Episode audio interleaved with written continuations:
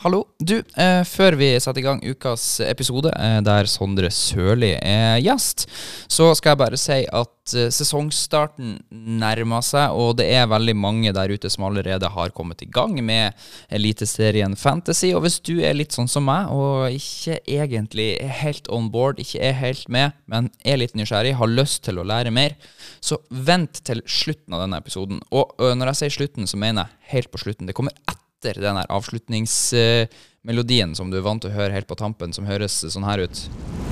Jeg elsker dette fotballaget!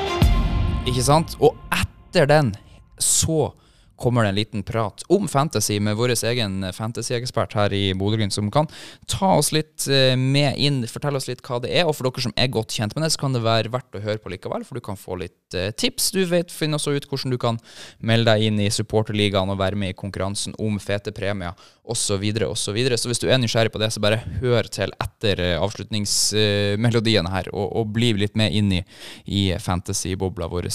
Vi prater et kvarters tid helt på tampen. Men nå skal vi sette over til den or ordinære eh, episoden eh, med Sondre Sørli som gjest. 433. En podkast fra Bodø-Glimt. Det er jo ikke ferdig!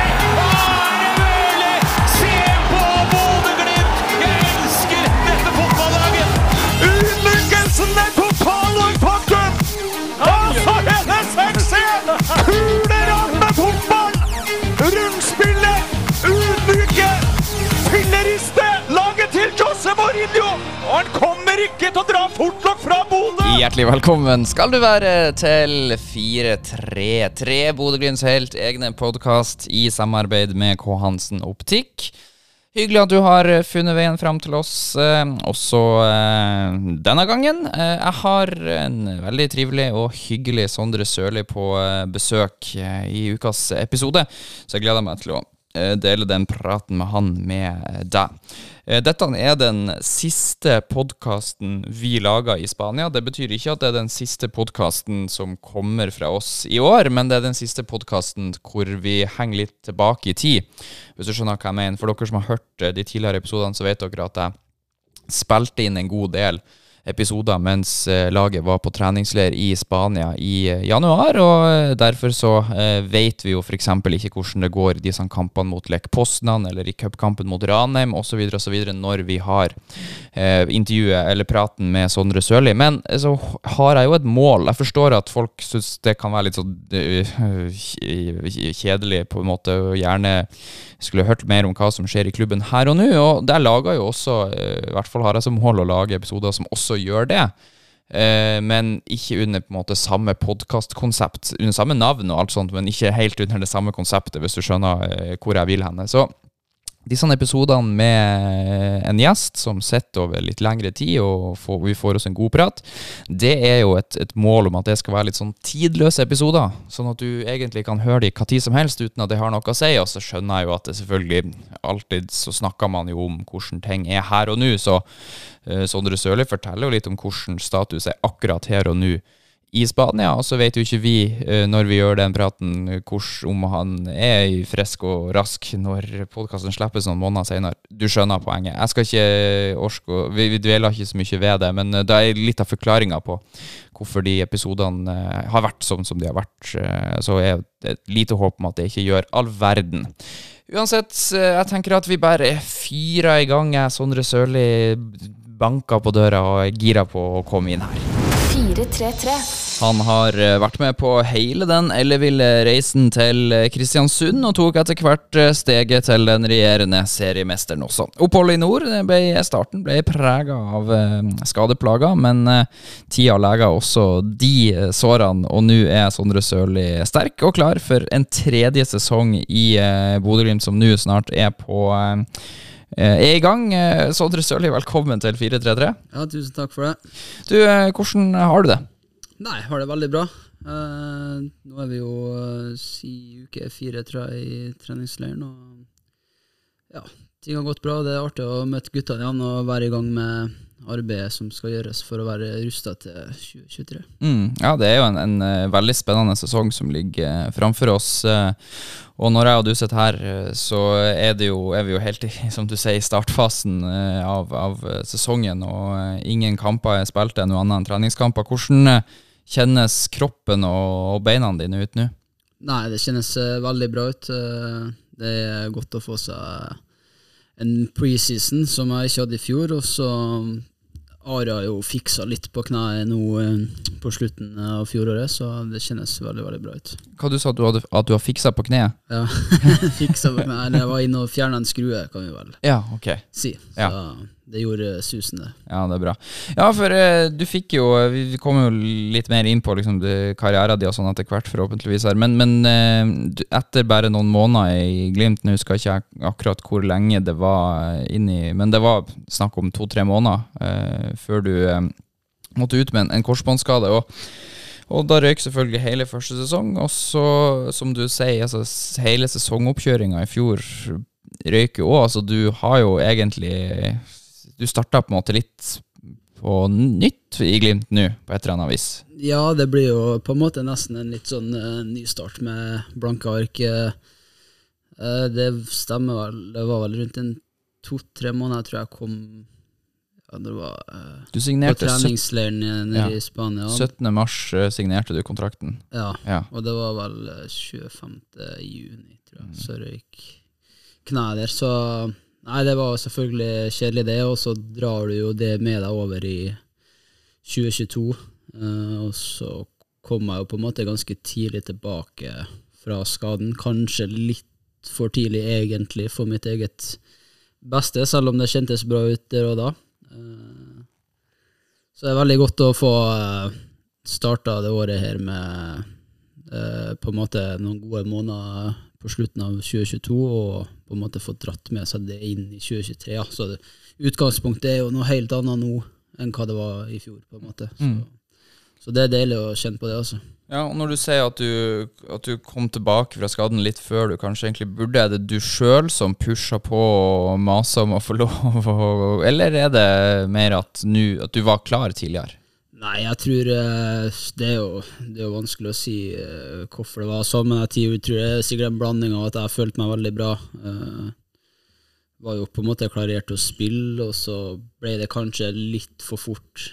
Litt for mye, hvis du skjønner. Den der tilbakeføringsprosessen, det var jo Jeg hadde jo noen innhopp, og så plutselig ble jeg et ganske langt innhopp mot Sandefjord, og så var det jo på en måte Ting kjentes jo greit ut frem til en treningsleir i Danmark hvor jeg fikk en liten smell, og så var det jo egentlig det Det var jo den skruen da, som på en måte har ligget og plaga meg litt egentlig hele fjor. da. Ja, for det høres jo umiddelbart ikke digg ut å ha skrua i kneet.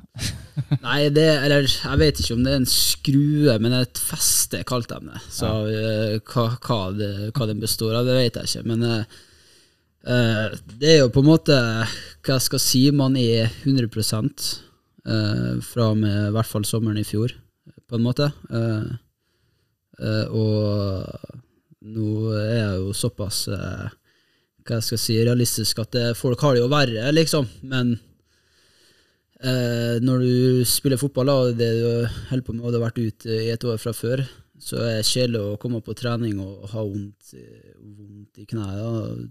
Nesten hver eh, treningsøkt, liksom. Uten at, eh, uten at uh, Jeg klarte jo å fullføre trening og alt sånt der, men det er jo kjedelig på en måte å gå rundt og kjenne på at uh, ting ikke føles helt ut som det skal. da. Så heldigvis var det veldig fort gjort på slutten i fjor å ta ut den, så var det to uker med litt rolig, og så kjentes det bra ut igjen. Mm, og det er jo veldig fint. Eh, når du, altså, du kommer uh, til en, en ny klubb, og som vi var inne på, det går to-tre måneder før du ryker ut med en skade, og, og mister uh, ikke, altså, ikke bare mister du hele sesongen med tanke på det å spille kamper, men du mister jo også trening. Uh, så det sosiale uh, sammen med lagkameratene foregår jo på trening. Du blir på en måte bortvist inn i denne bunkeren eh, på Aspmyra som eh, for de som har vært der, vet at den er litt sånn mørk og, og trist. Eh, hvordan er det på en måte for, for deg når du innser at ja, det blir på en måte det neste året inn i, under tribunen der? Nei, det var jo veldig kjedelig, selvfølgelig. Jeg følte jeg hadde en ganske bra start på uh, Glimt-perioden, hvis du kan kalle det det. Og det var jo så litt typisk, da, kanskje. Og nesten aldri vært skada før, og så smalt det skikkelig da, når det først eh, smalt. Uh, så da var det jo inn egentlig Jeg skjønte jo at noe var galt da, med en gang. Dette er ikke ei uke på sidelinja, liksom. Mm. og skjønte ganske fort etter de testene med Sørgaard og fysioterapeutene inn på benken her. Så da var jeg jo selvfølgelig uh, De første dagene så er jeg litt sånn Du skjønner egentlig ikke helt hva du står over i forhold til at du skal være ut fra fotball og trening et år. Noe man ikke har vært siden man starta å spille fotball, i hvert fall jeg, da, som har vært litt heldig med skader. Så tenkte jeg bare egentlig ganske fort eh, Brukte noen timer, og så satte jeg bare litt i perspektiv sånn eh, Det er en operasjon du må gjennom, og det, det blir bra til slutt. Eh, selvfølgelig så skulle det vært foruten, men folk har det veldig mye verre, liksom, og det kneet blir bra igjen. Og det får jo egentlig bare ta den tida det tar, men et år, liksom, så er du tilbake. Uh, selvfølgelig så var det jo kjedelig å sitte på sidelinja og, og se på at folk er ute og har det artig med fotball, og få være med på kamp og alt det der, og så prøver man på en måte å finne sine egne måter å bidra på. Men det var litt sånn kjedelig, ja, de, spesielt de europaukene hvor folk reiste bort ei uke. Eh, For det ble jo ofte dobbel bortekamp. Så kom hjem igjen, for da, da var når du kanskje, hvis du var heldig, da, for å si det sånn, da, så hadde du en til som var skada, så du hadde litt selskap, liksom. Men eh, ja, det var jo på en måte bra at eh, jeg ikke hadde altfor mye selskap heller i en periode der, da, fordi det tyda nå på at folk var friske. Mm. Ja, ikke sant. Men for, for det sosiale og eh, ikke minst psykisk helse, så er det jo fint å ha folk å være i lag med, da. Eh, Men eh, eh, du fulgte jo egentlig da, altså i 2021-sesongen, da Glimt ble seriemester, og du hadde jo nok kamper til å også kunne kalle deg seriemester i 2021, og har vel fått din egen medalje, så selvfølgelig vel fortjent. Men he hele europaeventyret gikk du jo glipp av. Eh, hvordan var det å følge det fra sidelinja og, og fra TV-skjermen? Nei, det var jo selvfølgelig eh, veldig kjedelig å ikke få lov til å Det var jo noe helt nytt, liksom, og eh, veldig spennende kamper en periode som man hadde gledd seg til, og det var jo ikke lenge før det starta heller at, det- at det smalt, da, så mm, jeg husker, jeg tror det var jeg og Solbakken som var skada den første kampen mot Lega der, så da satt vi nå sånn sammen, da, og begge satt der jo egentlig og bare Faen, ass, hvorfor sitter vi her, liksom? Eh, skulle helst vært på banen, liksom. Men eh, det er nå sånn eh, at eh, det er en del av fotball, og det kan jo skje, skje alle, så Men eh, uten tvil så var det kjedelig å gå glipp av det. Det. Ja, for du var jo også eh, Du nevnte i stad at du fikk en god start på karrieren din i Glimt, og du var jo litt sånn virkelig på gang idet den skaden kom. Det er kanskje litt typisk òg, det, da. Ja, det føltes sånn ut eh, der og da, egentlig. Ja, det gjorde det. Eh, så var det vel egentlig litt sånn Jeg husker eh, de første, aller første kampene. Nå fikk jo ikke jeg med meg så all verden av preseason da, når jeg kom såpass seint i overgangsvinduet. Men eh, da leverte jeg jo litt målpoeng, husker jeg. Men eh, fortsatt så eh, kunne ha spilt bedre kamper. Og så følte jeg på en måte at eh, etter noen kamper der at det begynte å komme seg, det òg. Jeg rakk vel elleve kamper sånt før jeg ble skada, så de siste fem-seks kampene følte jeg var skikkelig god utvikling på Virkelig liksom begynte å løsne. Så ja, det er vel kanskje typisk at det, er da det smeller, jeg vet ikke, men eh, sånn var det nå i hvert fall. Ja, det føles jo kanskje sånn òg. Og så kanskje også su- supporterne på et eller annet vis. Eh, Man legger jo gjerne mer merke til når de spillerne som betyr eh, noe for laget, går ut med skade, enn når eh, kanskje et andre-tredjevalg gjør det. Sånn at det er kanskje derfor man tenker at det er typisk, og jeg vet ikke. Men når du da er inne på dette styrkerommet, for det liksom Jeg har jo uten sammenligning for øvrig også på en måte fått beskjed av fysioterapeut om å gjøre diverse øvelser for å bli bra igjen i både knær og Og det er jo uutholdelig kjedelig, de her øvelsene. Altså, hvordan holder du motivasjonen oppe til å eh, dra deg gjennom det her året? Nei, du har jo selvfølgelig veldig flinke folk rundt deg som eh, kan være alt fra egentlig lagkamerater til trenere til støtteapparat til fysio til ja, alt mulig, egentlig, som jeg har med klubben å som, som er jo med å gjøre hverdagen din bra, liksom. Selv om du ikke får spille fotball, så, så har du jo gode venner i dem og kollegaer og alt det der. Og så har du på en måte spesielt etter du har vært kanskje gjennom en operasjon, eller vært på bunn, da, hvis du kan kalle det det, så går det jo på en måte én vei, og det er jo the road back, egentlig.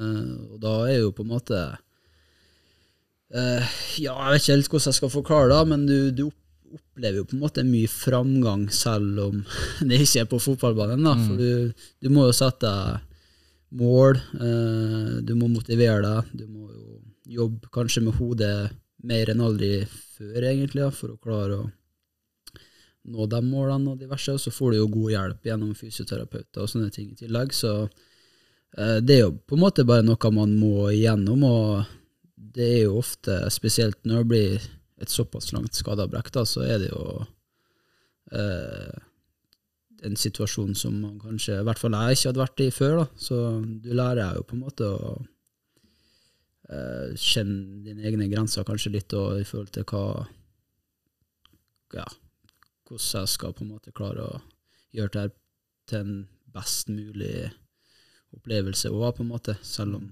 du står i en kjip situasjon, egentlig. Ja, og så er det jo, uh, i motsetning til når, når jeg skader kneet mitt og må trene meg opp igjen, så må jeg gjøre det på fritida. Dette er jo jobben din, så du, og du kan jo ikke bare ikke møte opp på jobb. Eh, Så, sånn at det kanskje så, Som du sier, du blir fulgt såpass godt opp at en del av jobben er bare å møte opp, og så er det noen som forteller hva du skal gjøre, eller? Ja, ja, det er jo selvfølgelig Det er jo ofte litt sånn Det er jo veldig spørs hva du har skada òg, da. Men eh, sånn som for min del så besto første to, ja, seks til åtte ukene tror jeg av å bare få til å strekke ut foten helt og bøye foten litt og litt sånne ting. Ned med hevelse og sånne ting. Og så er det jo på en måte flere faser du skal gjennom, da. Men det er jo som du sier, du møter opp, og så har de egentlig lagt opp en liten plan for deg. Så må du på en måte ta det litt eh, dag for dag, for du kan være litt ekstra hoven eller ha litt ekstra vondt eller eh, Ja. Det er jo mye faktorer som spiller inn, akkurat spesielt i starten. da.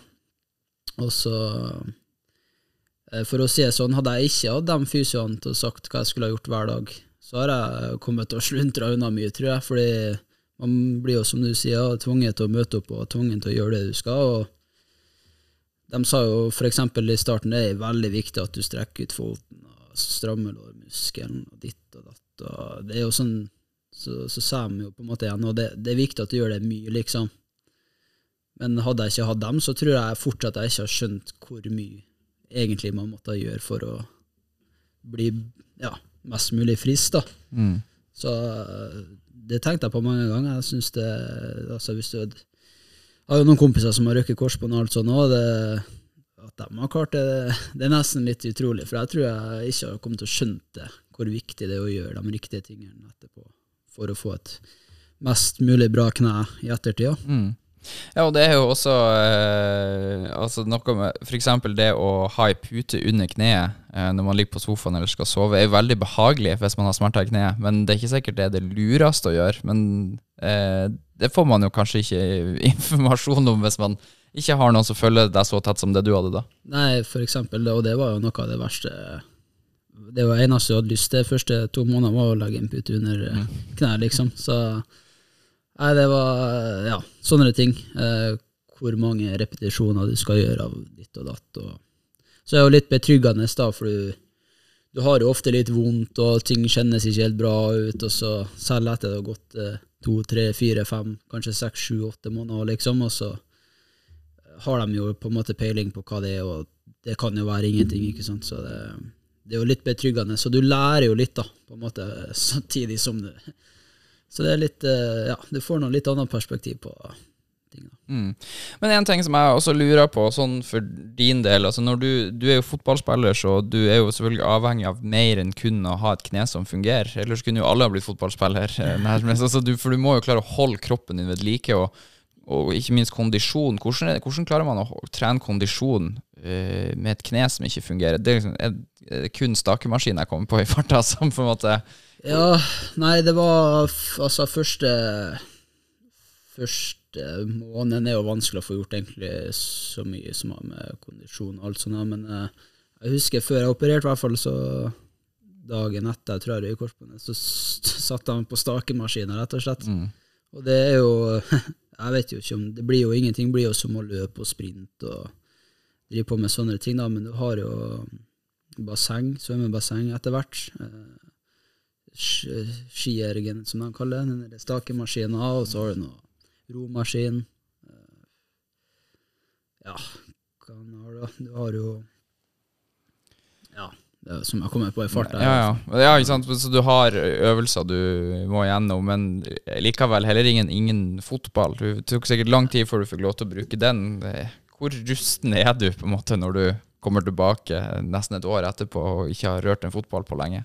Nei, det er jo heldigvis da, så har du en liten fase hvor du, hvor du får holde på med baller før du blir sluppet løs på treningsfeltet med Ja. resten av guttene. Og, så det, det er jo veldig viktig, men eh, nei, det, det går fort for hodet, ja, når du kommer tilbake, liksom. Det er det som er, det, da er jo ofte det fysiske begynner å bli greit, sånn i forhold til at f.eks. for eksempel et kne eller hva, hva det skal være er bra igjen, da, men eh, det er jo litt det der med Ingenting er på en måte som når du kommer på trening uansett. da. Du blir litt stivere kanskje, og du bruker litt muskler du ikke har brukt på lenge. Og, eh, men det verste, eller verste, eller det som eh, tok eh, litt tid, var å venne seg til tempoet og sånn, hvor fort du må tenke. Eh, Litt touch og sånn, det kommer du relativt greit tilbake til, liksom. Men eh, det var mest hodet jeg tror du må jobbe med, for det, det går fort, liksom. Det føles ut som du ikke henger helt med i starten. da.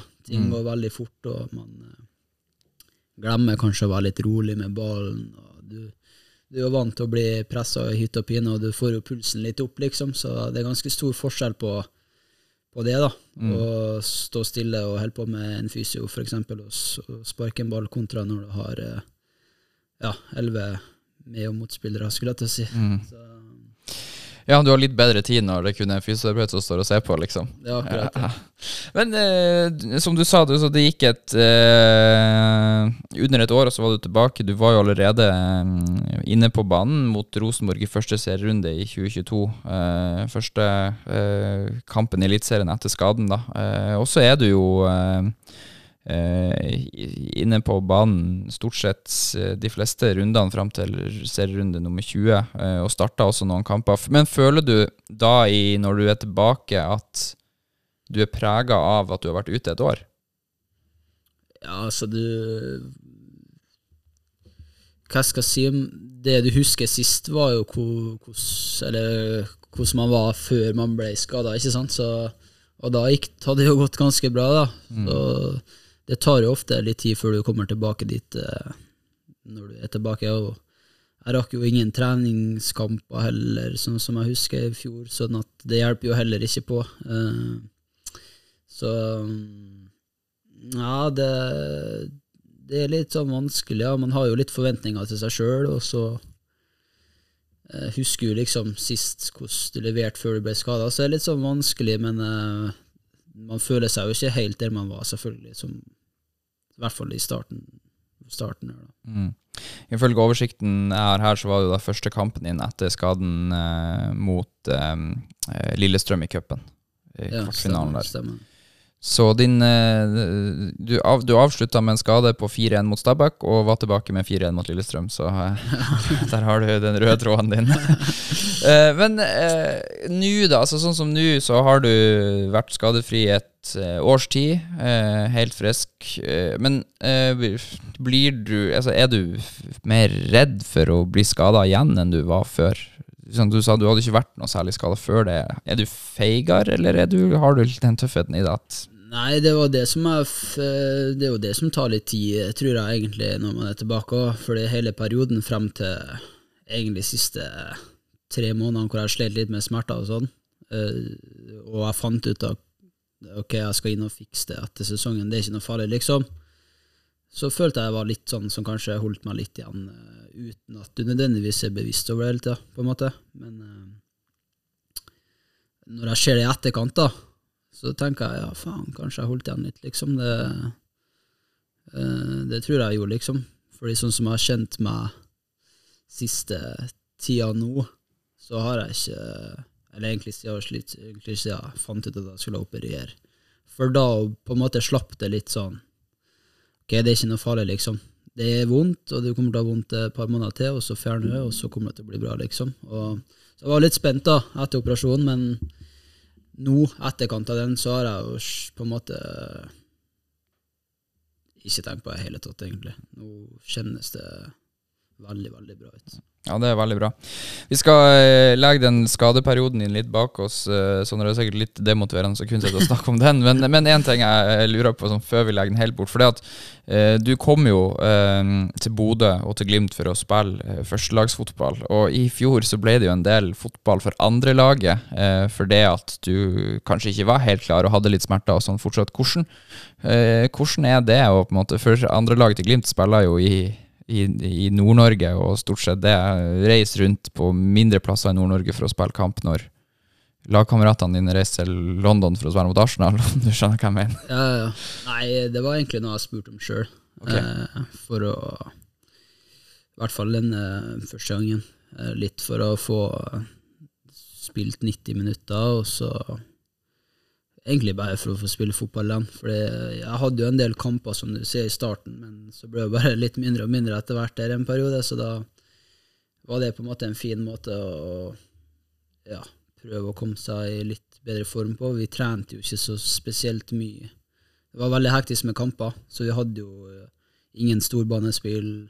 Vi hadde en økta dagen etter kamp for dem som ikke hadde spilt så mye, liksom, som var bra trykk på, og så var det liksom det. Eh, så det var egentlig noe jeg spurte i første omgang sjøl, i hvert fall, og så Så det var helt greit for min del. Det syns jeg bare var Hvorfor ikke, liksom. Ja, du er fornøyd med å få lov til å spille fotball? Ja, det var jo egentlig litt det. Mm. Så bli vant til litt ting igjen, litt uh, stor bane. Og, ja, egentlig. Ja, Det er jo et interessant perspektiv, det. Og, og eh, Ørjan Nygaard var gjest i forrige podkast og snakka litt om akkurat det der med treningsukene når det er så mange kamper som det var i fjor. Um, og han snakka om at de som spilte lite, ofte på en måte det, den harde treninga de fikk, var å spurte etter kamp, liksom. Mm. og man skjønner jo at det ikke er nok for å bli en bedre fotballspiller, da. Eh, var det sånn for deg òg en periode at det var på en måte det du fikk? For ellers så var det eh, kamp og kamp og kamp. Ja, det var jo ikke så mye spilletid fra sommeren utover i fjor, da, så da var det Det er jo egentlig det du får, da. Du har jo noen løp eh, og noen drag du må ta etter kamp, og så har du den økta dagen etterpå. Eh, Så har du du har jo treninga utover det òg, men det er jo som oftest enten så skal du forberede deg til kamp, eller så skal du på en måte restituere etter en kamp. Da. Så det er jo ja, Så syns det var Ja, det er jo vanskelig, tror jeg, å få pressa inn mye trening, så det var fint for min del å få de andrelagskampene da. Mm. Eh, Du reiste òg litt på borteturer eller med andrelaget, eh, og der er jo, eh, som jeg var inne på i stad, mange altså, har, du, har du klart å få samla noe postkort på et eller annet vis? Har du, liksom, hva er den fineste plassen du har vært å spille fotball med andrelaget? Åh, til Glimt, tenkte du? Ja.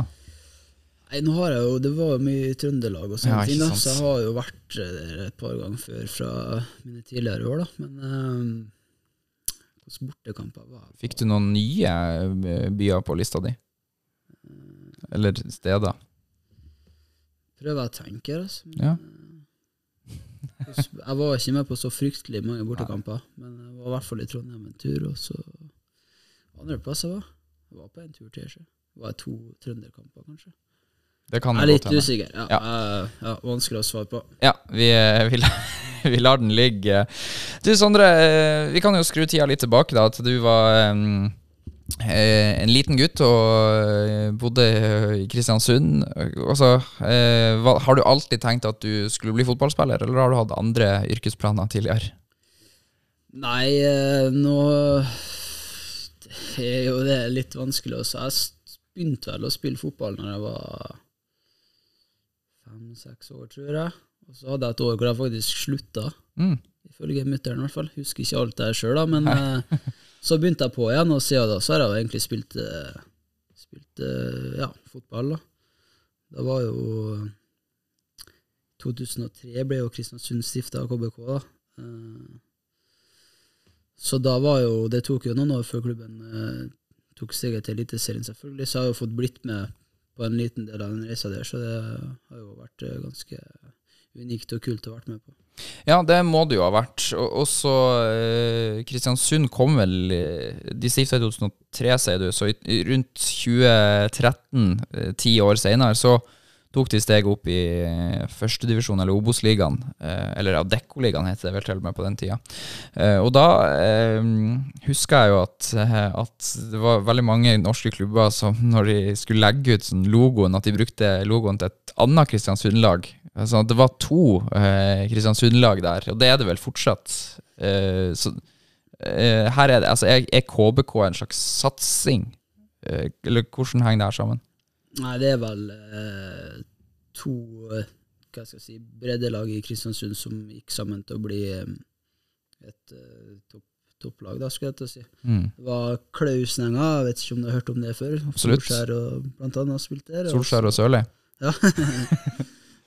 Uten sammenligning. Eh, og så eh, hadde du Kristiansund fotballklubb. Eh, så etter hvert da, De gjorde det jo relativt bra, litt fra tidlig av, da, men det var liksom litt sånn annenhver gang å, å ha et bra og dårlig år, hvis du kan kalle det det. og så slo de seg noe sammen så etter hvert da, for å satse på toppfotball, liksom. Så ja. Ja. Starta vel i tredje divisjon, tror jeg. Mm. Og du, eh, Kristiansund rykka opp, mener jeg, til Eliteserien for første gang i 2016, samme året som Glimt eh, datt ned i Obos-ligaen. Eh, og da var du en del av laget. Du kom opp i Kristiansund i, eh, på A-laget rundt 2015. Ja, hospitert eh, vel med A-laget ganske mye fra de rykka opp til eh, Obos, eller Adecco, som det heter. Så da var jeg egentlig med fast. Jeg signerte faktisk ikke noe proffkontrakt eller A-kontrakt da, før jeg var et halvår etter jeg var ferdig på videregående. Eh, men ja, så har jeg egentlig vært med og hospitert fra da, eh, egentlig. Mm. Så, Men Kristiansund er jo en liten sånn uh, solskinnshistorie i, i norsk fotball òg, helt til de i år da uh, dessverre rykka ned. Uh, men fra de rykka opp, så har det på en måte alltid utvikla seg, tatt nye steg, og ganske tidlig, liksom Man tenkte vel at de skulle bli en kasteball i Eliteserien, men beholdt plassen med veldig god margin, og, og eh, ble en sånn der han, eh, ekkel motstander for mange lag som har slitt eh, i Kristiansund. Nå har jo Glimt et helt sånn sinnssykt tak på KBK, det har aldri tapt, men det tror jeg ikke det er så mange lag som ikke har gjort. Um, så hvordan, hvordan har man på en måte klart det i en relativt liten by på Nordvestlandet? Jeg tror nok først og fremst så uh, jeg, jeg ga det jo veldig mye uh, mersmak, og det ga mye til byen videre, spesielt etter man rykka opp til Eliteserien. det ble en slags giv eh, til hele området, følte jeg. Eh, så har du jo selvfølgelig spillere, trenere, folk rundt, frivillige, supporterne, og fikk seg et lite løft, da, egentlig, følte jeg. Og egentlig så har det vært det og hardt arbeid og på en måte tatt vare på det vi var gode på opp gjennom alle årene som på en måte på den tida fikk oss til Eliteserien, som man måtte ta vare på, samtidig som man måtte prøve å forbedre seg på mange måter, liksom. Så jeg vet ikke, hardt arbeid, ydmyke, ydmyke folk og gode trenere og spillere og alt mulig. Ja, og Kristiansund har jo vist seg som en ordentlig sånn fotballby òg, da. Altså, den stadion der eh, nesten full hver gang det var mulighet for å fylle den, og, eh, og entusiastiske supportere. Også eh, litt sånn eh, eh, Kanskje heksegryte er litt vel å ta i, men altså bra trøkk på stadion der. Eh, og vi opplever kanskje litt av det samme i Bodø nå. Ser du noe sånn sammenligning mellom det som skjedde i KBK da de gikk opp, og det vi gjør i Bodø i dag? Ja, det var jo eh, det, ja, Nå er jo litt flere folk, så det er vel dobbelt så stort eh, Bodø, da. Så det er jo litt, litt mer folk og litt sånne ting. Men ja, man merka jo at det ble mer trykk. Eh, bare sånn som uh, autografskriving og sånne ting. Man var mm. nesten ikke vant til det egentlig før uh, man rykka opp, nesten, liksom. Og ting blir bedre profesjonelt rundt uh, og i klubben, liksom. Og blir jo mer oppmerksomhet fra, fra fans, og det blir jo mer skriverier og sånne ting òg. Men eh, det trykket som jeg har vært borti nå, eh, egentlig siden jeg kom til Glimt, da, det- det er jo, det er jo litt større, det er jo det. Så. Men det kan jo sammenlignes på en måte, da. At uh, prestasjoner og ja, egentlig resultater som klubben får, da, gjenspeiler seg nå litt i hvordan samfunnet og området rundt uh, ja, på en måte byr på seg sjøl, hvis du kan si det sånn. Mm. Ja, og, eh, Men du som eh, kristiansunder, og på en måte da får lov til å være med på, på denne reisen med barndomsklubben og på en måte det lokale laget, det må ha vært eh, utrolig kult? Ja, jeg tror eh, faktisk jeg var den første spilleren som tok steget fra Klausnenga til Kristiansund 2, da, rekruttlaget, liksom, og steget opp til A-laget. Så det er jo litt kult, eh, når man tenker på. Eh, og det var jo eh, en skikkelig artig opplevelse. Det ble jo på en måte Spilte jo ikke så all verden første eh, årene i Obos og så videre, og så fikk jeg jo bidratt litt det året vi rykka opp, så man følte seg jo en skikkelig del av det, liksom. Og samtidig så ble jo egentlig mer og mer spilletid når vi rykka opp til Eliteserien òg, så det har vært eh, en sinnssykt kul eh, ja, opplevelse å være en del av, og sånne ting, da. Det må jo også ha vært, for jeg, jeg husker ikke, skal ikke skryte med at jeg på en måte har resultatene til Kristiansund i hodet fra tidligere år, men eh, de har jo vært på spilt eh, noen og andre TV-kamper, ikke sant, og hvor eh, ofte liksom både Rosenborg og Molde og Vålerenga, Lillestrøm, altså Brann, Viking, de store klubbene har fått kjørt seg litt på Kristiansund stadion. Det må jo ha vært eh, utrolig artig, og særlig da med tanke på alle som er og ser på og lager den stemninga. Jeg fortelle litt om hvordan måte, de her kampene der, da. Om du har noen spesielle høydepunkt. Nei, jeg husker Jeg tror det var første kampen vi hadde i Eliteserien borte mot Sarpsborg. Uh, så tror jeg vi tapte 5-1 eller noe sånt. Mm. Og det var litt sånn wake-up call. Uh, welcome to Eliteserien-opplegget. så da husker jeg vi, vi liksom på en måte måtte Ok, hva er det som virkelig må til for å klare å hevde seg, liksom? Og på hjemmebane etter hvert, da, så ble vi jo veldig ekle å møte ikke det var mange som gledde seg eh, til å komme dit. Eh, første året følte jeg var litt sånn alle skulle komme og ta oss, liksom. Lille Kristiansund.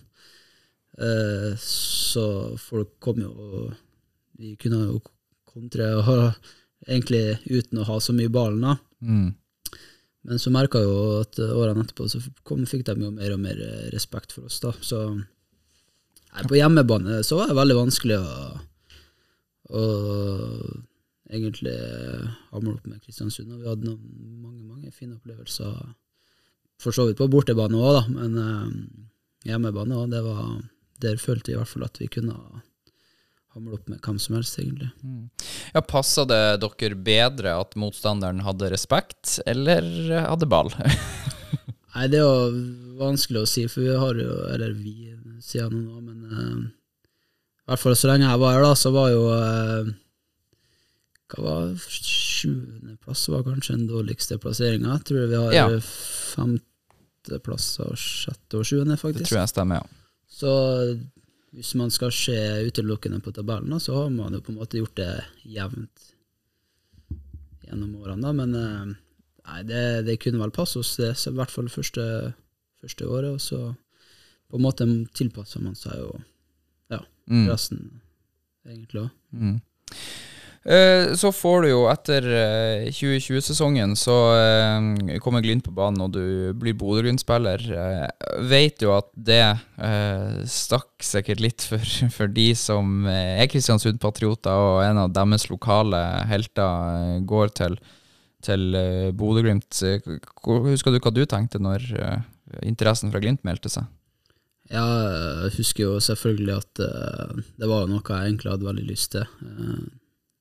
Glimt hadde jo gjort det veldig bra, som, som sagt, i 2020 og året før det òg, liksom. Og det var jo selvfølgelig europakamper eh, i året som kom der, og det var egentlig noe jeg ganske fort på en måte hadde lyst til å prøve å gå for, da. Så er jo litt sånn at uh, nå hadde jeg jo vært i Kristiansund i ti år nesten, og følte jeg hadde gjort det ganske bra de siste årene, og på en måte var vel 25 år òg, så det er litt sånn Nå har jeg kanskje en sjanse her til å, til å prøve noe nytt, og er i en fin alder til å gjøre det, liksom, så eh, det var egentlig noe for å være helt ærlig, jeg hadde lyst til å gå for, ja. Mm.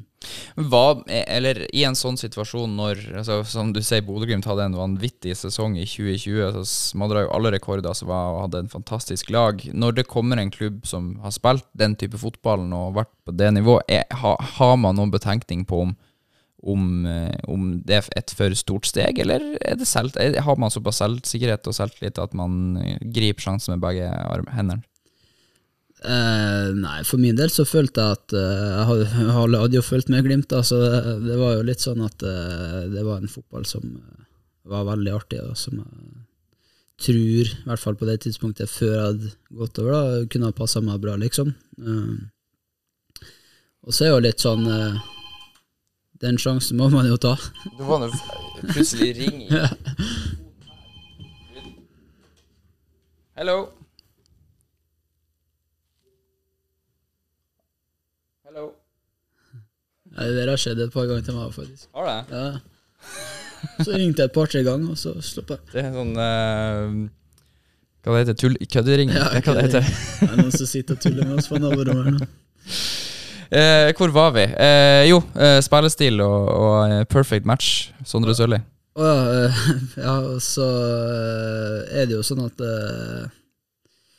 Ja, når den muligheten dukka opp, så følte jeg det var riktig å, å på en måte gå for den. Og selv om jeg på en måte var ydmyk over alt Kristiansund har gjort for meg, og alt det der, og jeg visste jo på en måte hva jeg hadde i, i KBK, og så var jeg på en måte litt eh,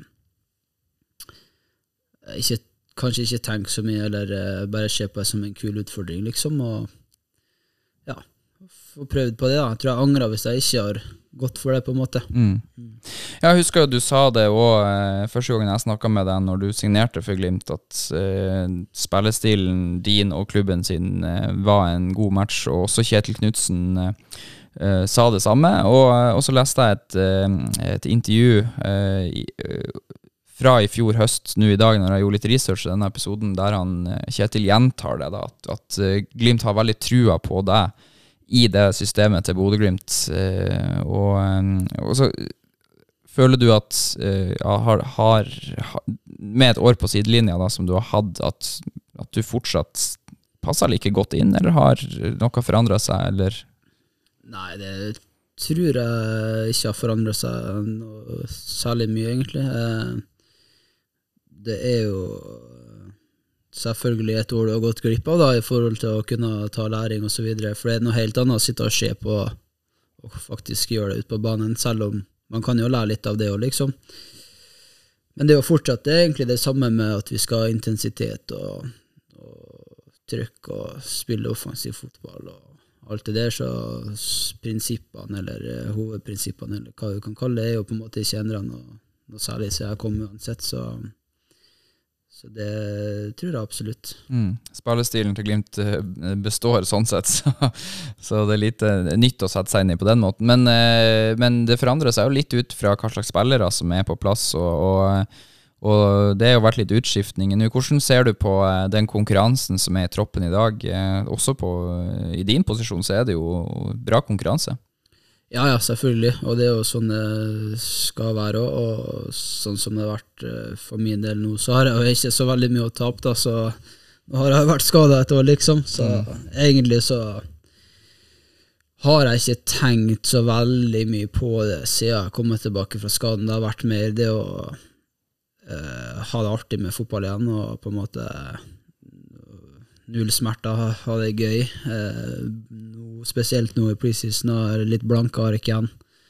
Selv om konkurransen er hard, liksom, så, stiller i hvert fall på et eh, litt bedre utgangspunkt enn hva jeg hadde i fjor, egentlig. Da. Så um, konkurranse er sunt, det. Så er det jo sånn at det er mange gode spillere, og man får jo som regel som fortjent eh, til slutt uansett, da, i forhold, forhold til spilletid. Og så er det egentlig bare å jobbe hardt for det. Og så det du nevnte med det andre der, er jo at det kommer nye spillere og sånn, så er det jo litt relasjoner og sånn som, som må bygges, og det kan jo ta litt tid. Eh, av og til kan det gå fort, og av og til kan det ta litt lengre tid, liksom. Så det er jo på en måte noe man må forholde seg til. Sånn er det jo for alle lag, eh, egentlig. da. Så er det jo derfor vi er på trening hver dag, da. For å få jobba med det. Mm. Ja, og for alle oss som eh, er på trening uten å trene, men og står og ser på, så ser det jo unektelig veldig bra ut. Og også på papiret så er det masse gode fotballspillere i laget. Hvordan er det å Veldig mye ringing her nå. Hvordan er det å være midt oppi det, Sondre, sånn med tanke på kvaliteten på laget? For eh, det er jo, ja, som jeg sier, gode, det er gode spillere her. Ja, det er jo det er veldig mange gode spillere, og vi er jo ganske mange òg nå, så det kunne ha vært to ganske sterke elvere pluss, pluss egentlig. Ja, Innbyttere har faktisk. ja. Så nei, det er, jo, det er jo kult. Man lærer jo av hverandre òg, selv om man eh, ofte er konkurrenter, eller eh, så er man jo lagkamerater, og man lærer av hverandre, og vi vil jo dra i samme retning. eh, Både trenere og spillere og alle sammen, og det tror jeg er viktig, da. Og egentlig siden vi starta opp i år, så syns jeg det har vært veldig bra trykk på trening, og ja, vi har fått jobba ganske bra, liksom. Så jeg tror eh, det er egentlig bare positivt, egentlig. Mm. Og, så har du jo fått eh, to eh, Siden du kom til Glimt, så har det kommet to til som også har vært i Kristiansund i lag deg. Eh, Amal Pellegrino og Faris Pimi. Hvordan eh, har det vært å få de to inn i klubben?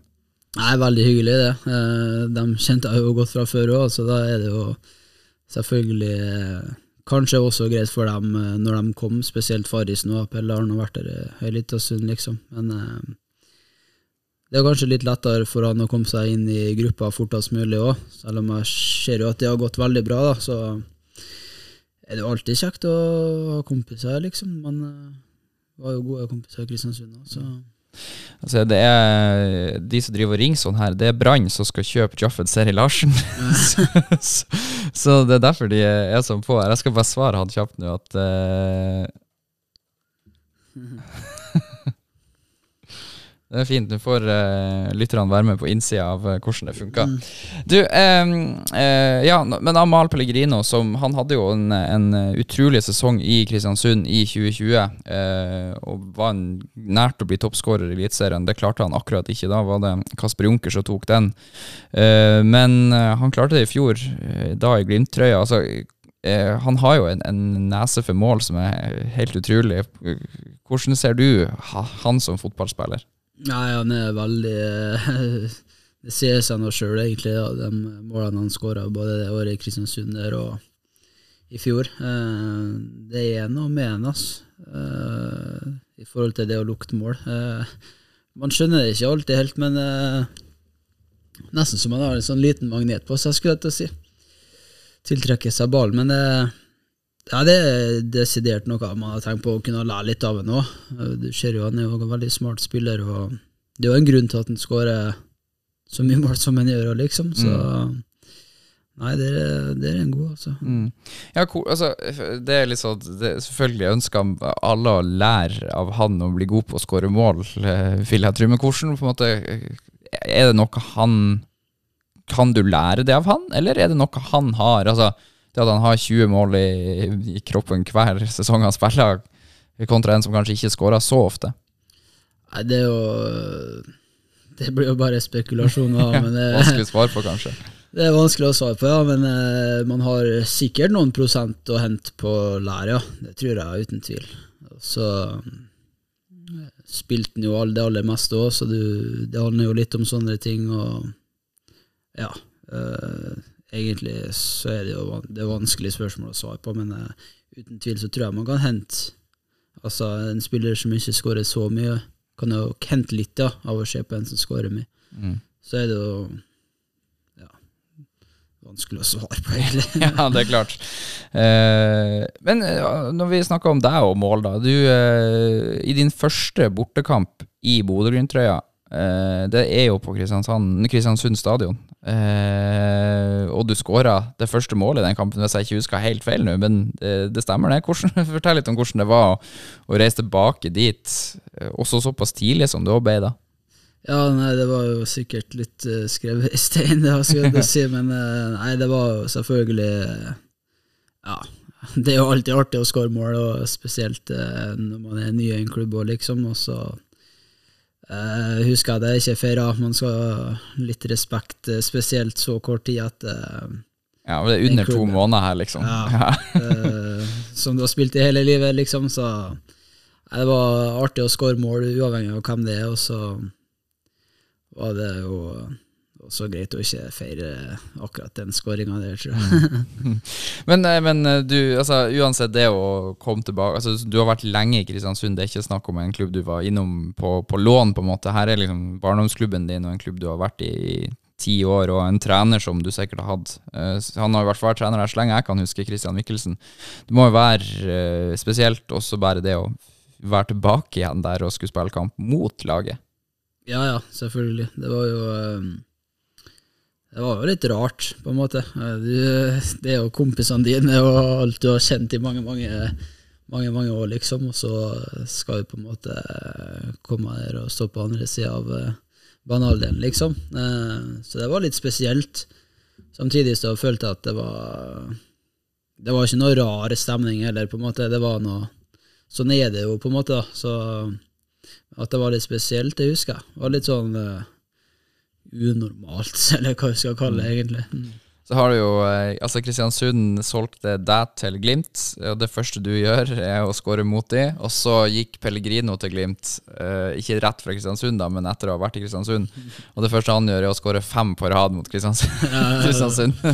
De har fått, eh, fått litt igjen. Ja, de fikk jo det, da. Nei, det var jo litt mer ekstrem Pelle sin hat trick der, tror jeg, Ja. det målet jeg skåra. Men eh, Ja, Han skåra altså først hat trick mot Kristiansund på Aspmyra, før han da også skåra to mål mot Kristiansund igjen eh, i sommer. I fjor sommer.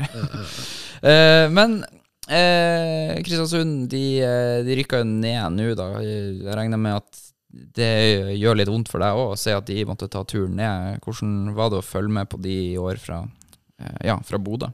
Nei, selvfølgelig eh, så var jo ikke det noe artig, skulle jeg til å si. Jeg skulle jo gjerne ønska at de har vært i Eliteserien fortsatt. Det er jo eh, Ja, jeg unner veldig mange veldig mye godt, egentlig, av dem som ja, både i og rundt klubben, og så ikke minst for byen òg, da. Det har jo betydd mye for byen å ha det laget i Eliteserien, liksom, og eh, Så det var litt kjedelig at eh, at det gikk som det gikk i fjor, da, men eh, jeg er nå sterk i trua på at de eh, kan komme seg opp igjen i år. Mm. Ja, det er en veldig spennende Obos-liga i, i 2023, sånn at uh, Men ser du på de som uh, favoritt til å gå opp igjen?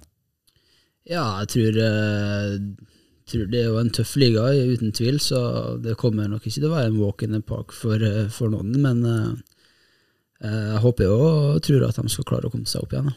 Mm.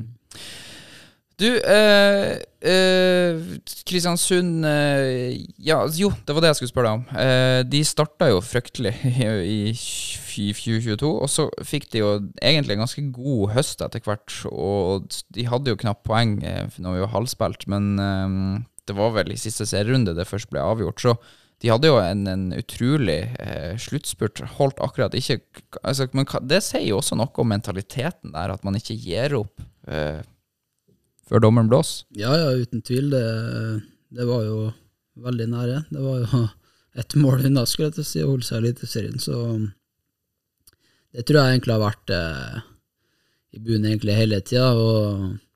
Jeg har jo snakka med mye kompiser der eh, som spiller fortsatt, og selv eh, når det gikk som dårligst, skulle jeg til å si, så var de jo på en måte sterk i trua på at uh, her skal vi ikke gi opp, liksom, og det fikk man jo med seg at de sa både i media og når jeg snakka med, med kompiser som spiller Kristiansund, og det viste seg nå å stemme, det, så det var veldig close at de klarte, å, klarte det uansett, da. Mm. Du, eh, som alltid så ber jeg også lytterne våre som må komme med spørsmål, og eh, det er ingen unntak når du er her. Og jeg har fått litt eh, spørsmål, eh, og den, eh, det er um, Tor Kristian Storvik, når vi er inne på dette med Kristiansund, han lurer på hvordan tilgangen på ball er i Bodø. Eh, får du tak i ball? Det har jeg ikke spist uh, faktisk siden jeg har kommet opp til Bodø, men uh, jeg tror nok jeg har spist uh, et par ganger mens jeg har vært hjemme. Ja. Fått det servert av min bestemor. Ja, og for de som ikke umiddelbart tar referansen, hva er ball? Blanda ball kaller vi vel Kristiansund. da Det er rett og slett eh, potet og fisk som er blanda sammen til en ball, rett og slett. Ja. Og så kokt, eh, eventuelt stekt, eh, hvis man liker det bedre. Mm. Og, det er digg? Ja, det er godt, det. det er, Er du programforplikta til å si det, eller? nei, jeg syns det Jeg har veldig sansen for stekt ball, men uh, kokt uh, jeg er ikke så stor fan av. Nei. Eh, Nordland Invest på Twitter, han eh, eh, stiller nesten samme spørsmål til alle som er her. Jeg vet ikke hva han er ute etter noe intriger her, men han eh, kjører på til deg og lurer på hva som er den fineste byen av Kristiansund og Bodø. Nei, jeg syns at begge byene er veldig fine. Eh, Nå er jeg jo fra Kristiansund, da, så jeg syns det Syns den er veldig fin, og vinen er litt snillere, så det heller kanskje litt eh, mot Kristiansund, Ja. selv om eh, fjellene i Bodø, rundt Bodø, når du sitter og ser på utsikta, er mektig, altså. Ja, for det var neste spørsmål hans. eh, Hvilken by som har finest vær? Og da er Kristiansund stikka med seieren der, eller? Ja, det er hakket bedre. Hakket bedre. Eh, uten at eh, man eh, skal skryte altfor mye av været i Kristiansund heller, så, så er det hakket bedre, altså. Eh, Vegard Nilsen han eh, kommer med et uh, ufattelig dårlig ordspill her, og lurer på om det er meldt sørlig bris på venstrekanten på Aspmyra i år. Nei, altså Vi får håpe at det blir levert eh, litt eh, fra min del i, i år, altså. Ja, da vi, tror jeg vi lar de VR-referansene ligge litt nå. eh, jo, eh, vi har et spørsmål også fra Sammen Sterkere, som eh, lurer på om du og Hugo fortsatt eh, bor i lag? Ja, det gjør vi, vet du. Så um, det forholdet står sterkt, det. Ja, det er bra. Du tok over plassen til Erik Botheim i ungkarsboligen der. Ja, faktisk så ble begge Altså, Hugo måtte ut av den leiligheten han og Botheim hadde, og jeg måtte ut av den jeg leide. Eh, etter Botheim hadde dratt, selvfølgelig. Så da satt vi nå og sonderte markedet, og vi fant ut at det er jo like greit å flytte sammen eh, ettersom prisene og hva det var å finne, i hvert fall på markedet akkurat da. Så det ble en veldig bra løsning, det. Mm. Hvordan er det å bo eh, i lag med en eh, lagkamerat? Vi har jo heldigvis eh, såpass med space at vi har eh, nesten en etasje hver, og da, da går det veldig fint. Eh, Begge er jo sosiale av seg, og så er det jo godt å kunne trekke seg tilbake av og til å være litt alene. Og så er det jo veldig greit å bo med Hugo, for han legger seg jo som regel i senga rett etter trening, og det blir liggende frem til han spør hva, hva er planlagt for middag, så, så det går veldig greit, det. Ja, ja for det neste spørsmålet til Sammen Sterkere er jo eh, hvordan hans kulinariske egenskaper er sammenligna med dine. Nei, eh, nå har jo han et par eh, spesialiteter han òg, men eh, det går som regel at jeg lager mat, og så, så rydder han opp. Eh, det gjør det. Mm. og så lager vi oss jo av og til sammen, så litt diverse. Altså, jeg skal ikke si at han ikke gjør noe her, men eh, nei da, der har vi en bra løsning. Ja, Det er en løsning du er fornøyd med å slippe oppvasken? Ja, Jeg tror begge er fornøyd med den løsninga. Ja, ok. det er bra. Eh, et spørsmål fra Tor. Tor på Twitter han lurer på om du foretrekker å spille på høyre eller venstre side på banen. Nei, jeg har jo spilt mye venstrekant eh, tidligere i yngre aldre, og så har det egentlig vært eh, siste to-tre årene da, hvor jeg har spilt høyrekant, hvor jeg på en måte følte jeg har funnet meg mest til rette, og så trives på begge for så vidt, men uh, har uh, ja, Hvis jeg måtte ha valgt, da, så hadde jeg valgt høyrekant, ja. Det var jo litt sånn små småspekulasjoner her om at du kunne være en bra back uh, også i Glimt. Hva, hva tenker du sjøl om å skulle ned i banen og spille eh, i Forsvaret? Nei, eh, ikke ennå.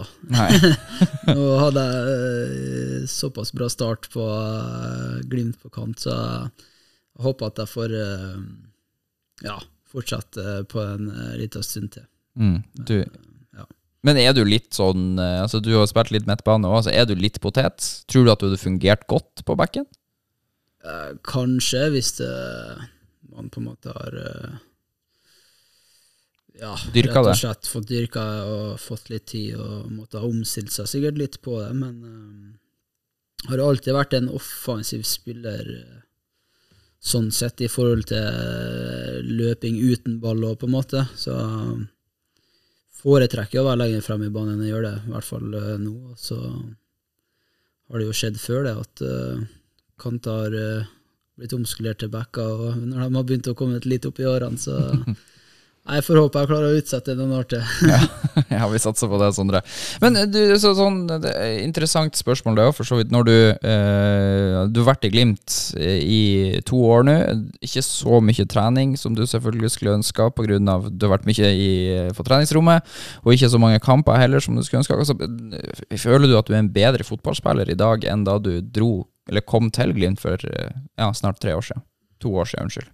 Ja, det føler jeg. Eh, egentlig så tar det jo seg hele tida når du spiller fotball, da, på kanskje mange forskjellige områder. Og så var det veldig godt å få flytta egentlig fra Kristiansund òg. Eh, tror jeg var ganske klar for det. Eh, for å på en måte få vekst på andre måter òg. Eh, så jeg tror både på og utafor banen så har jeg ja, blitt en litt bedre utgave av meg sjøl, ja. Mm, du har hatt godt av det, med andre ord. Ja, det tror jeg.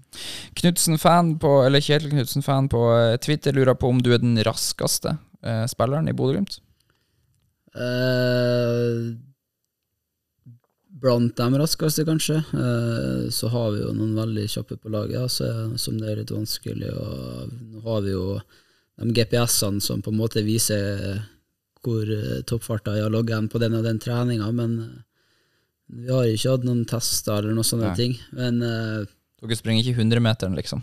Nei, men uh, det er veldig mange raske på laget. Så om jeg er akkurat den raskeste, det tror jeg ikke. Men uh, Ja, hvis du skal trekke fram topp fem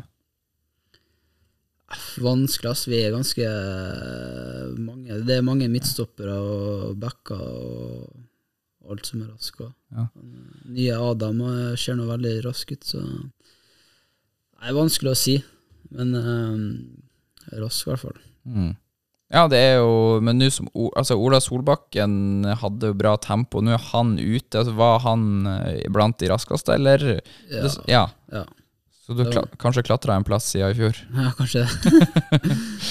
Hvem vet. Eh, Du, jeg tror det var eh, det jeg hadde av lytterspørsmål. Eh, Han eh, Iver Steinsvik, han har eh, Jeg vet ikke om det er et spørsmål, det er mer enn en, eh, en påstand, da. Og han eh, syntes at det var en ny friskhet over steget ditt i eh, fjor, eh, og at eh, du spiller angrep på en mer aggressiv måte. Eh, du får heller rope ut om du ikke kjenner deg igjen i, i påstandene. Eh, og så eh, sier han at rapportene fra feltet gjorde at han har utpekt, deg, utpekt seg deg som årets spiller i Eliteserien 2023. Det er jo artig å høre det. Nei, det er jo Nå er det jo vanskelig å, å si hva, hva man Om man har blitt mer aggressiv i angrepsspillet, eller hva man har blitt, men eh, Nei, det eneste jeg kan si, er i hvert fall at eh, kroppen kjennes bra ut, og jeg føler jeg hadde en veldig fin start på treningsleiren, og egentlig trening Ja, siden vi starta på trening igjen, så jeg tror i hvert fall kroppen er rusta på en helt annen måte til å kunne prestere i 2023. Ja, det er veldig bra, og eh, når denne podkasten her slippes ut eh, på markedet, skal jeg si, så er det jo bare noen få uker igjen til serien starter borte mot Sarpsborg, og det blir eh, veldig gøy. Vi gleder oss til å være ordentlig i gang igjen, Sondre. Vi har passert timen her, så vi, jeg kan ikke gjøre noe annet nå enn å bare takke så mye for at du tok deg tida til å stikke innom. Ja, da for, takk for at jeg ble invitert, da. Nå har jeg aldri Vi har avslutta kort og enkelt ukas episode med å takke så mye for at du har eh, valgt å lytte på oss eh, denne gangen også. Eh, vi er tilbake igjen med en ny episode en ny prat og et nytt bekjentskap i neste uke. Enn så lenge så håper jeg du får det riktig så godt, og så høres vi på igjen seinere. Heia Glimt!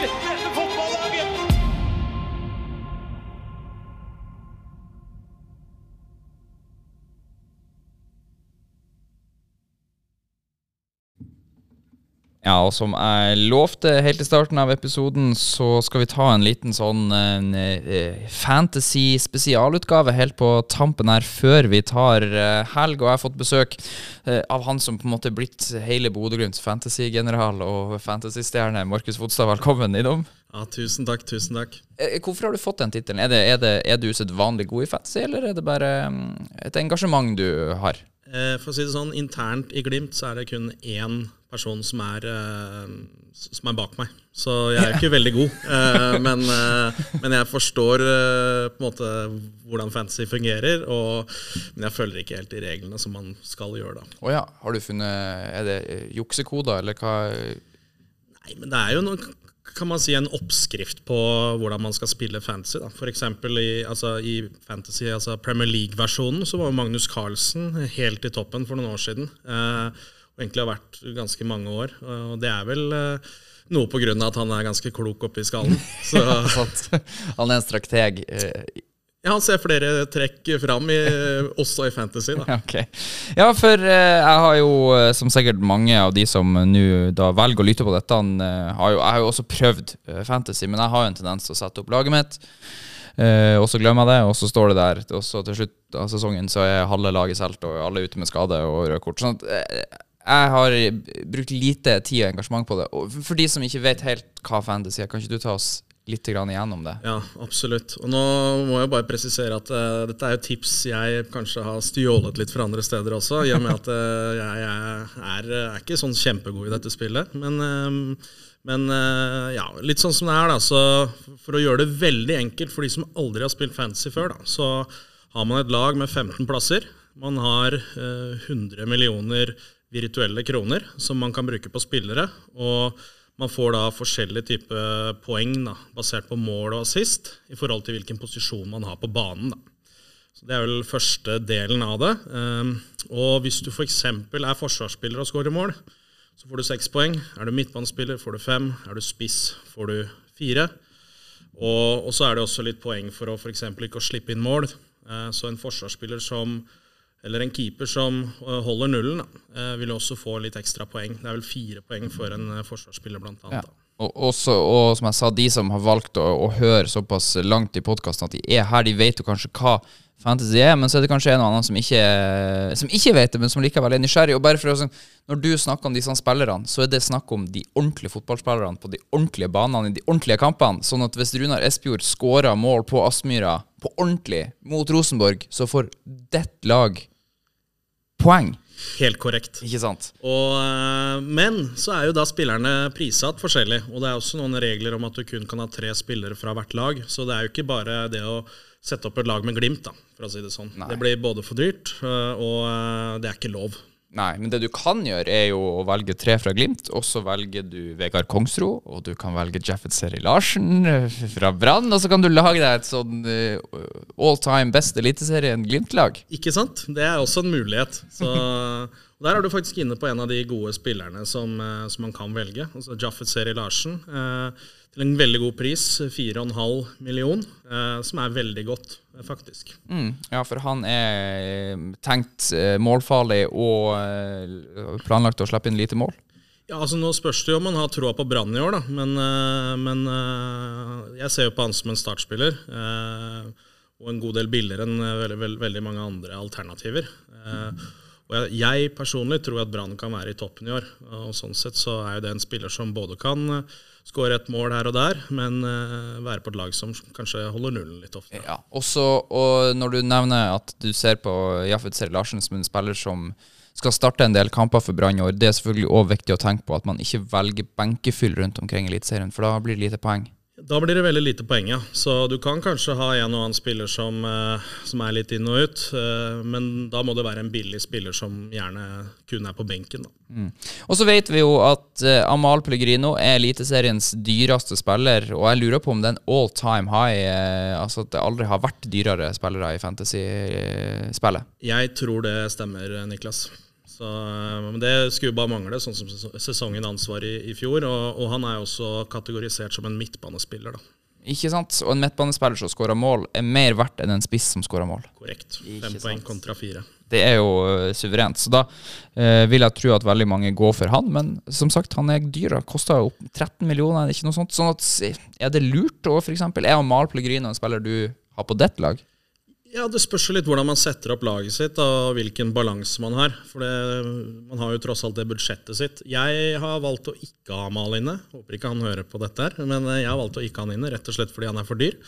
Det kommer nok til å bite meg i ræva, eh, men sånn er det. Eh, Jeg har gått for Grønbekk da, framfor han. Eh, Jeg har veldig troa på Grønbekk, og han har en verdi på jeg tror det var 8,0, eh, mens Amalie er på 13. eh, Og Hugo Vetlesen, som faktisk er den mest valgte spilleren på spillet, er 11 da, eh, i verdi. Ja, Så eh, det er dyrt, det òg. Ja, ikke sant. Jeg går for Grønbekk. Jeg har veldig troa på han i år. Ja, det er spennende. Og for alle de som eh, nå hører på, og eh, de som kjenner godt til spillet, og som lurer på hvor blir det av denne eh, supporterligaen for det, for, eh, Unnskyld, jeg forhasta meg her. Jeg må forklare hva det er for noe. Her er det mulig å sette opp venneligaer og diverse ligaer, sånn at du kan konkurrere med vennene dine, familien din, om å gjøre å være best. At du på en måte lager din egen lille eliteserie på et eller annet vis. Ja, det stemmer. Eh, når du setter opp spillet, da, så kan du velge Bodø-Glimt til å begynne med. Så Sånn sett så er det jo en egen liga. Eh, vi har jo da en, en fancy-avtale med JB Reklame, som da setter opp en egen liga hvor du kan vinne et trofé og en signert Glimt-drakt. Eh, for å bli med i den ligaen, da, så, så må man klikke seg inn via artikkelen på glimt.no, eh, der hvor det står om fantasy, eh, i tillegg til at eh, i hvert fall etter planen så skal du poste noe på Twitter også i forhold til hvordan man melder seg på den ligaen nå, da. Ja, eh, det kommer så fort jeg finner fram den mailen du sendte for tre måneder siden, der du ba meg om å gjøre det. Ja. men eh, men eh, denne supporterligaen som Jebe Reklame er en eh, viktig og god partner for oss eh, i. Vi hadde en sånn i fjor òg, og der er premier å vinne for de som er aller best i dette spillet. Absolutt. Eh, Der var det jo både en pokal og en, eh, en drakt som skulle deles ut. Eh, Utfordringen var jo at vinneren kom fra England. Ja. Så, så pokalen skal han plukke opp når han besøker Bodø en dag. Og, og drakten har blitt sendt i posten, så den var han kjempefornøyd med. Så det du sier, er at vi hadde en, en britisk storvinner i Glimt sin supportliga i fjor? Ja, det stemmer. Og det vil jo på mange måter vise jo til litt den posisjonen klubben har tatt da, rundt omkring. Så det er ganske morsomt, faktisk. Ja, men samtidig så ønsker vi vel å holde den pokalen i Om ikke i Nordland, i hvert fall. Altså på en måte, vi vil, ikke, vil ikke vi Syns ikke vi at liksom, her må jo noen som er på J-feltet eller i Glimt i sør, steppe opp her og ta tilbake tronen? Utvilsomt. Og derfor så må jo bare alle melde seg inn i, eh, i, partner, nei, i ligaen. da. Ja. Eh, Sånn at det, det blir en eh, nordnorsk eh, vinner i år. Eh, Eller, eller fra Sør-Norge, f.eks. Jeg blir jo med, så vet ikke om dere føler dere trua basert på det dere har hørt tidligere her. Jeg tror ingen ble kjempeskremt, men forhåpentligvis så ble veldig mange litt klokere. Er det noe mer vi må si om fantasy sånn før vi går i gang med årets uh, eliteseriesesong som starter snart? Altså, det er nå to uker igjen, da, Eh, men man kan begynne å sette opp lag allerede nå. og, og og la oss si at ja, det er jo et spørsmål. da. La oss si at jeg har valgt laget mitt, og Ja. så går eh, en eller annen spiller ned i en treningskamp nå, og ikke Kan jeg endre? Så frem mot seriestart så kan du endre så mye du vil. Eh, jeg tror det er en eh, sånn eh, Om det er noen timer før første kamp, så er det ikke mulig å endre på laget sitt. Da er det noen tekniske greier som skal gjøres. Fra hver runde da, så får man ett bytte, i tillegg til at man da i løpet av en sesong har et wildcard, da, som gjør at du kan bytte hele, hele laget ditt. Så du er ikke stuck med laget ditt hele sesongen. Du kan gjøre litt endringer underveis. Da. Så det er jo litt smart å holde seg oppdatert på, på hvem som presterer, eh, hvem som er skada, eh, og, og litt sånne ting. Eh, Det fins masse podcaster, eh, kontoer på Twitter som man kan følge for å få tips og råd hvis man er veldig interessert. Eh, Men jeg syns egentlig det er litt morsomt å bare, bare ha et lag, være med. Kjøre litt eh, magefølelse og ikke bruke for mye tid på det, da. Ja, ja, ja, enig. Men eh, det fikk meg til å tenke på en til eh, ting. La oss si at jeg velger en ganske dyr spiller, da. La oss si 10 millioner på laget mitt. Og så går denne spilleren i bakken og uh, hentes av en ambulanse og kjøres vekk i første serierunde allerede. Uh, vil verdien på spilleren på noe som helst tidspunkt gå ned, sånn at når jeg selger han, så sitter jeg igjen med mindre enn det jeg kjøpte han for? Det kan eh, være tilfellet. Ja, Verdien kanskje. går både opp og ned. Eh, så i et scenario der, da, hvis du bytter ut denne spilleren med en gang, så vil du trolig få tilbake det samme som du betalte. Hvis denne skada spilleren så Si du ikke følger med, da, og denne skada spilleren sitter på benken din i, i ti kamper da, eh, med en korsbåndskade, eh, så er plutselig verdien mye lavere, fordi det er mange som har solgt spilleren. Da. Så det følger litt sånne tradisjonelle markeds... Vil det si at du, du kan jo ha altså Når du snakker om i stad å ikke følge reglene helt, sånn som denne grønnbacken som du har kli, kli, klistra inn på laget ditt her til åtte millioner Si at han får en kjempestart på sesongen, bøtta inn med mål, og du får masse poeng, og verdien hans stiger. Og så vet du at eh, han er i ferd med å bli solgt, kanskje til utlandet, eller kanskje han går og sliter litt med en hamstring. Så kan du selge han for tolv millioner, eh, og så begynner verdien å gå ned, og du Altså, kan- du, kan du flippe sånn spillere i fantasy her? Det er absolutt sånn man kan, eh, man tenke, man kan tenke. Altså De som hadde Hugo Vetlesen på laget sitt i fjor, da, han var vel kanskje prissatt i sju eller sju og en halv eller et eller annet sånt. Billigere enn det Grønbæk er i år. Eh, Så tjente jo de masse penger på han. Han- altså, Verdien hans skjøt jo i taket med alle de målene. Og Sånn kan man jo også tenke litt når man ser på de diverse spillerne på de diverse lagene. Er det noen som er underprisa? Er det noen man har troa på at kommer til å måtte, bli kjempegode i år? Da? Så eh, for eksempel, da, eh, hvis du ser på spillere på, på topp, da, så er jo Bård Finne den som er definitivt mest valgt da, på topp. Han har vært eh, var vel 8,5, mens veldig mange av de andre kjente spissene er 9 oppover. Eh, Så der er jo veldig mange som har troa på han etter den sesongen han hadde med, med Brann i fjor, men også det han har gjort i NM for eksempel, så langt i år. da. Nå tror jeg de som valgte å høre på den delen her av, av podkasten, har fått det enda mer enn det jeg lova de, så det er jo veldig bra. Men det er så, sånn eh, helt til slutt, eh, Markus. Er fantasy en svær greie? Er det populært? Har vi Er det sånn at av de som går på Aspmyra, så spiller mange fantasy? Det, det tror jeg. Eh, sist jeg sjekka nå, så var det vel en, eh, ganske, ganske tidlig før sesongstart. En 20 000-30 000 spillere totalt sett i Norge. Jeg tror i fjor så var det rundt, rundt de tallene. Eh, på verdensbasis, når du ser på Fantasy Premier League f.eks., så er det oppe i jeg tror du nesten begynner å nærme deg 10 millioner spillere. Så dette er utrolig spennende, og det gjør jo på en måte det, at det blir enda litt mer spennende å følge med på kampene. Da. Eh, Det er ikke bare det laget ditt som, som, eh, som er spennende. Noen ganger så kan det faktisk være morsomt å se på Strømsgodset, Haugesund og Ålesund også. Mm. Jeg synes ikke eh, det er hovedkampen eh, da, i første runden, som det jo en del ganger var i fjor. Ja, ja, ikke sant? Du, Markus, jeg tror vi runder av der. Tusen takk for oppdateringa. Ja, bare hyggelig.